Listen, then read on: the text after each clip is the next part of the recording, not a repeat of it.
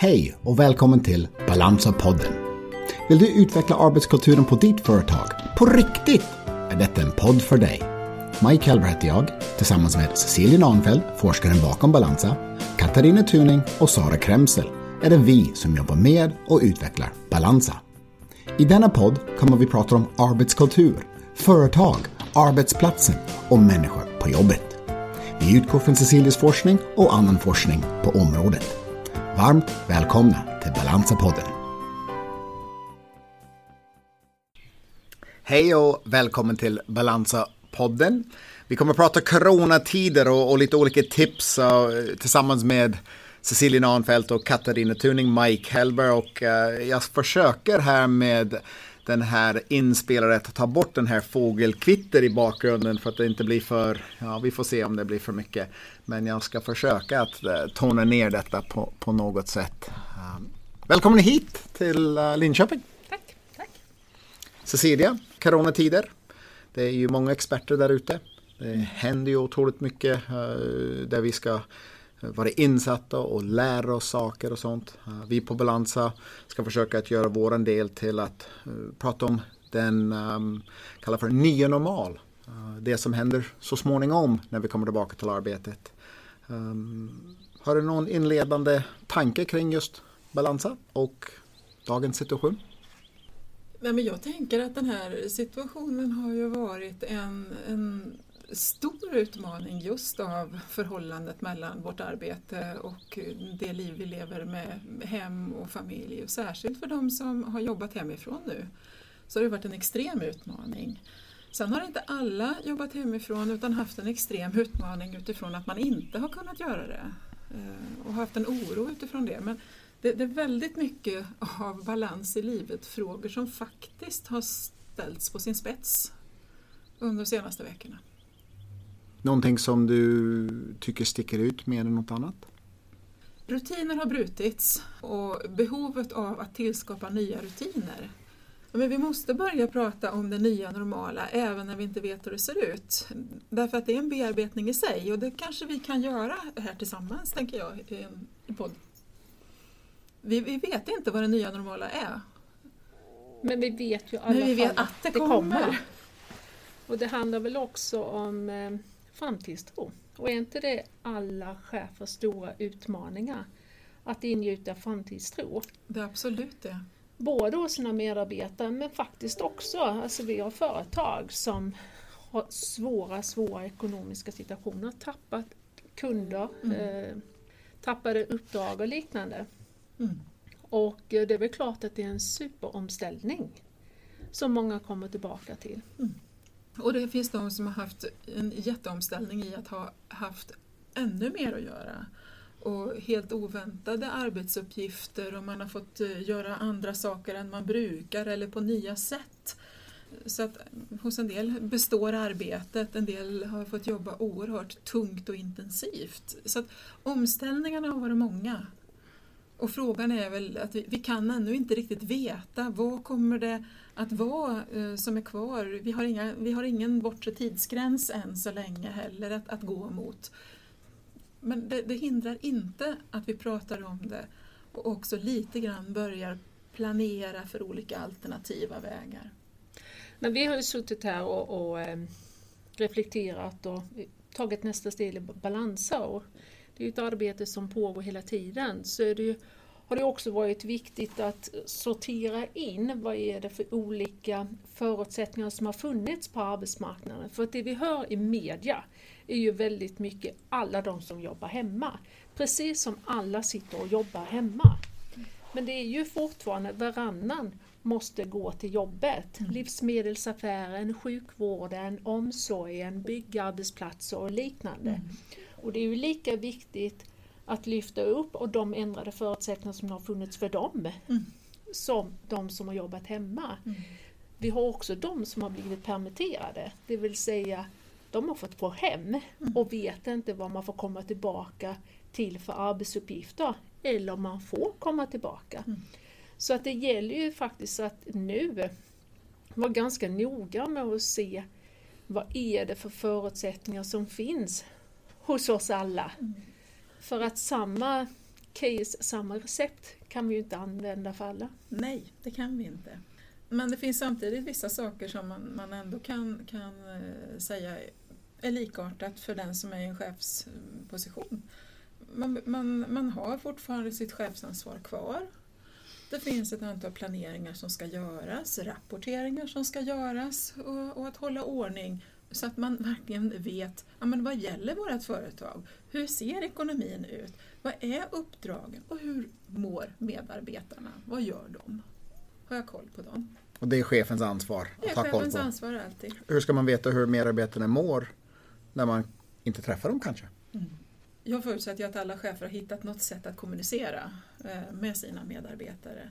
Men det gäller ju att ha koll på ja, men hur, hur funkar min kommunikation? Är jag konsekvent i den här kommunikationen? Är jag tydlig? Får, får jag också frågor tillbaka till mig själv? Det är inte bara jag som ska ut med någon typ av, av, av information.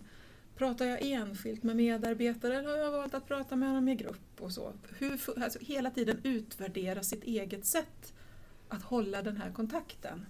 Det tror jag är jätteviktigt. För det finns ju också en risk nu. Alltså nu är vi inne på åttonde, nionde veckan. Mm. Att det blir lite de här slentrianfrågorna. Man har egentligen ställt samma fråga varje vecka. Och man börjar få slentriansvar också. Mhm, Det kan man få. Och att man kan när, när... eh, Alltså det finns ju olika mekanismer i det här. Man kan uppleva att det börjar bli en slags kontrollfråga. Ja, men tror du inte jag gör mitt jobb? Ja. Att man verkligen signalerar att det var bra. Att ja, men jag ser att det här blir gjort. Vad skönt. Och det visste jag väl. Hur bekräftar jag mina medarbetare när jag inte träffar dem? Och hur bekräftar, jag dem som faktiskt kommer till jobbet trots en oro över att bli smittad, trots en oro över att få jobba hur mycket som helst? Alltså hur, hur, hur agerar jag i mitt chefskap nu när tiden är annorlunda för människor? Och jag tänkte också på det här med eh, de som jobbar eh, på sin ordinarie arbetsplats. Där man kanske haft enormt tryck och fått in väldigt många nya medarbetare, nya kollegor, det är nya team som har skapats. Och då kanske väldigt mycket fokus hos chefen har legat på de extraanställda eller nyanställda för att lite känna känt tryggheten, "Ah, ja men de som har funnits länge de vet ju hur det funkar. Och det är också en fallgrop, tror jag, eh, att man liksom tappar bort ett gäng. För det händer ju väldigt mycket hos dem också. Och här tror jag att det är en jättestor skillnad i hur många har jag ansvar för som chef. För det skiftar också mellan Mm. väldigt många olika arbetsplatser. På ett ställe som chef så kanske jag har sju, åtta stycken att hålla kontakten med. Vilket är görbart på många vis. Men om jag kanske har 50-60 att hålla kontakten. Fungerar det verkligen på det sätt som jag hoppas?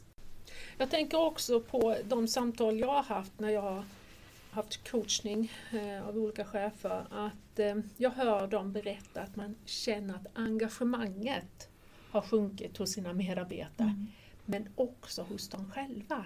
Alltså de har fått jobba för mycket med ad hoc och här och nu-frågor och inte så mycket utvecklingsfrågor.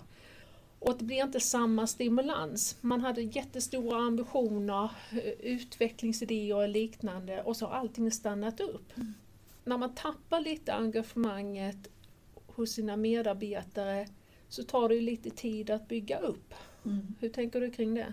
Det finns nog flera orsaker till varför engagemanget sjunker och en av orsakerna är att eh, en hel del första veckorna gick åt till krishantering och det gör oss ganska utmattade.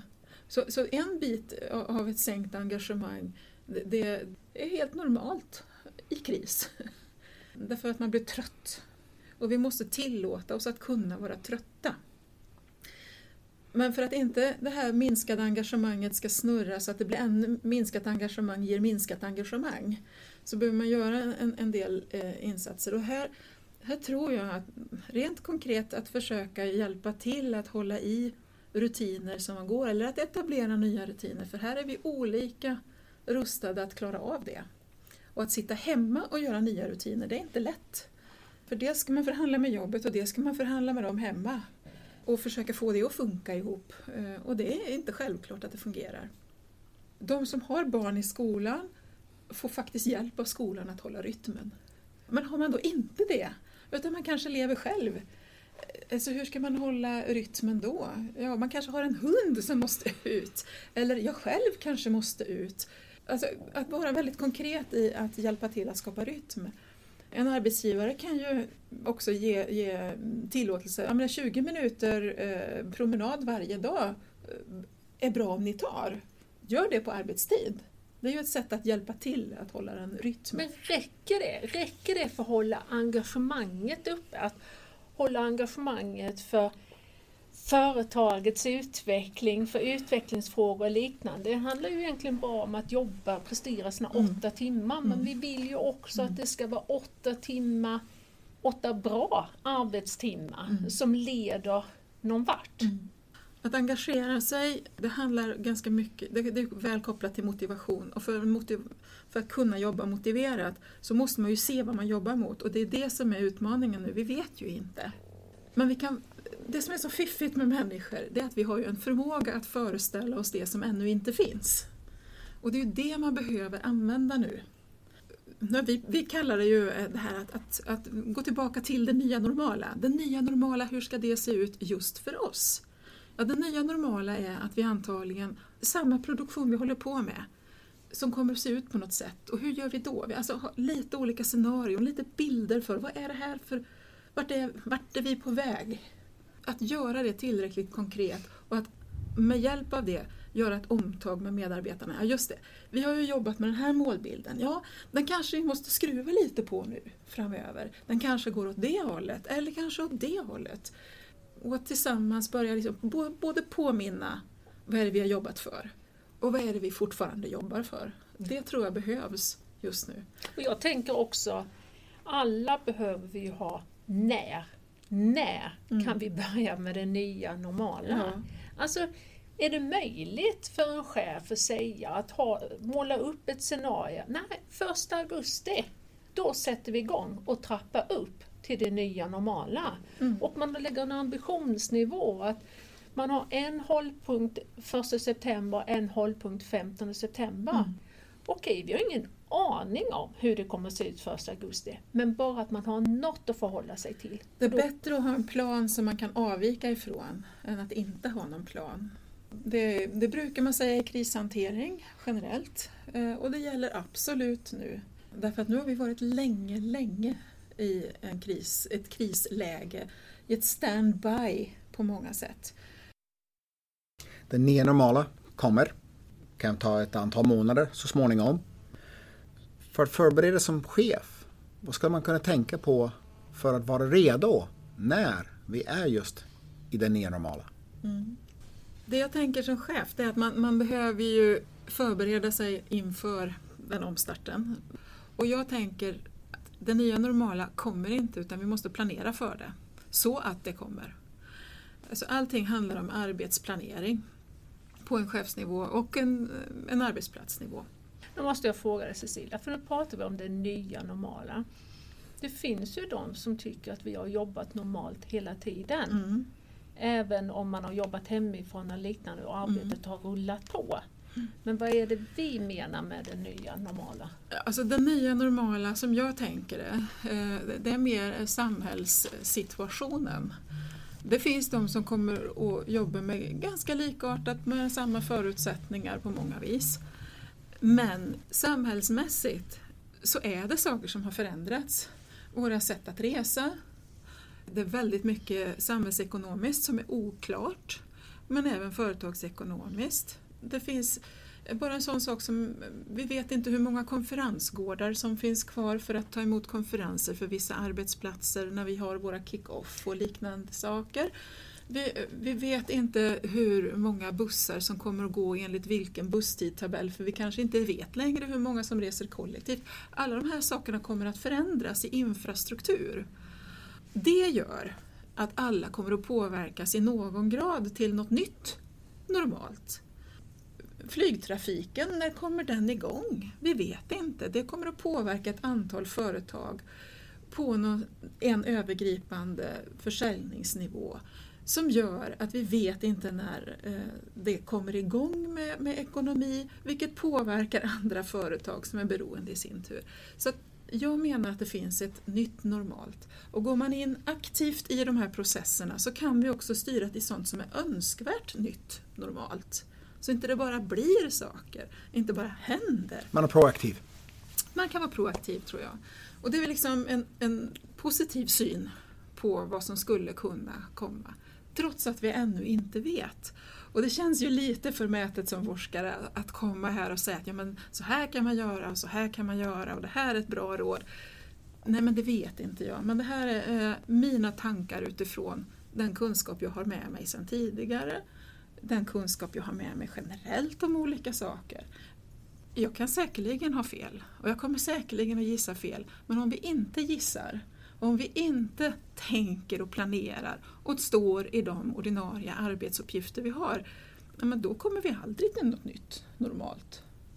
Utan vi, vi måste pröva och försöka. Och så får vi erkänna att nej men det där blev inte så bra, nu gör vi om. Tack för idag. Mm. Tack. Tack för att ni lyssnade till Balansa-podden. Vill ni komma i kontakt med oss finns vår information på balansa.se. Tills nästa gång, hej då!